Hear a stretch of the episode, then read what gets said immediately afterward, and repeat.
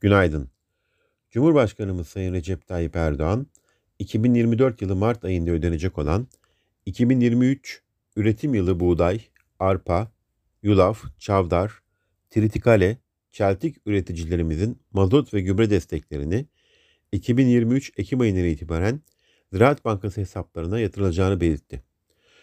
OPEC artı liderleri arz kesintilerini uzatma kararı aldı. Bugün yurt içinde veri akışı bulunmazken orta vadeli programın tanıtımı yapılacak.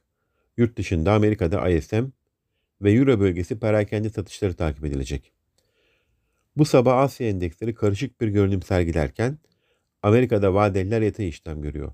Borsa İstanbul'da hafif alıcılı bir başlangıç öngörüyoruz. İyi günler, bereketli kazançlar.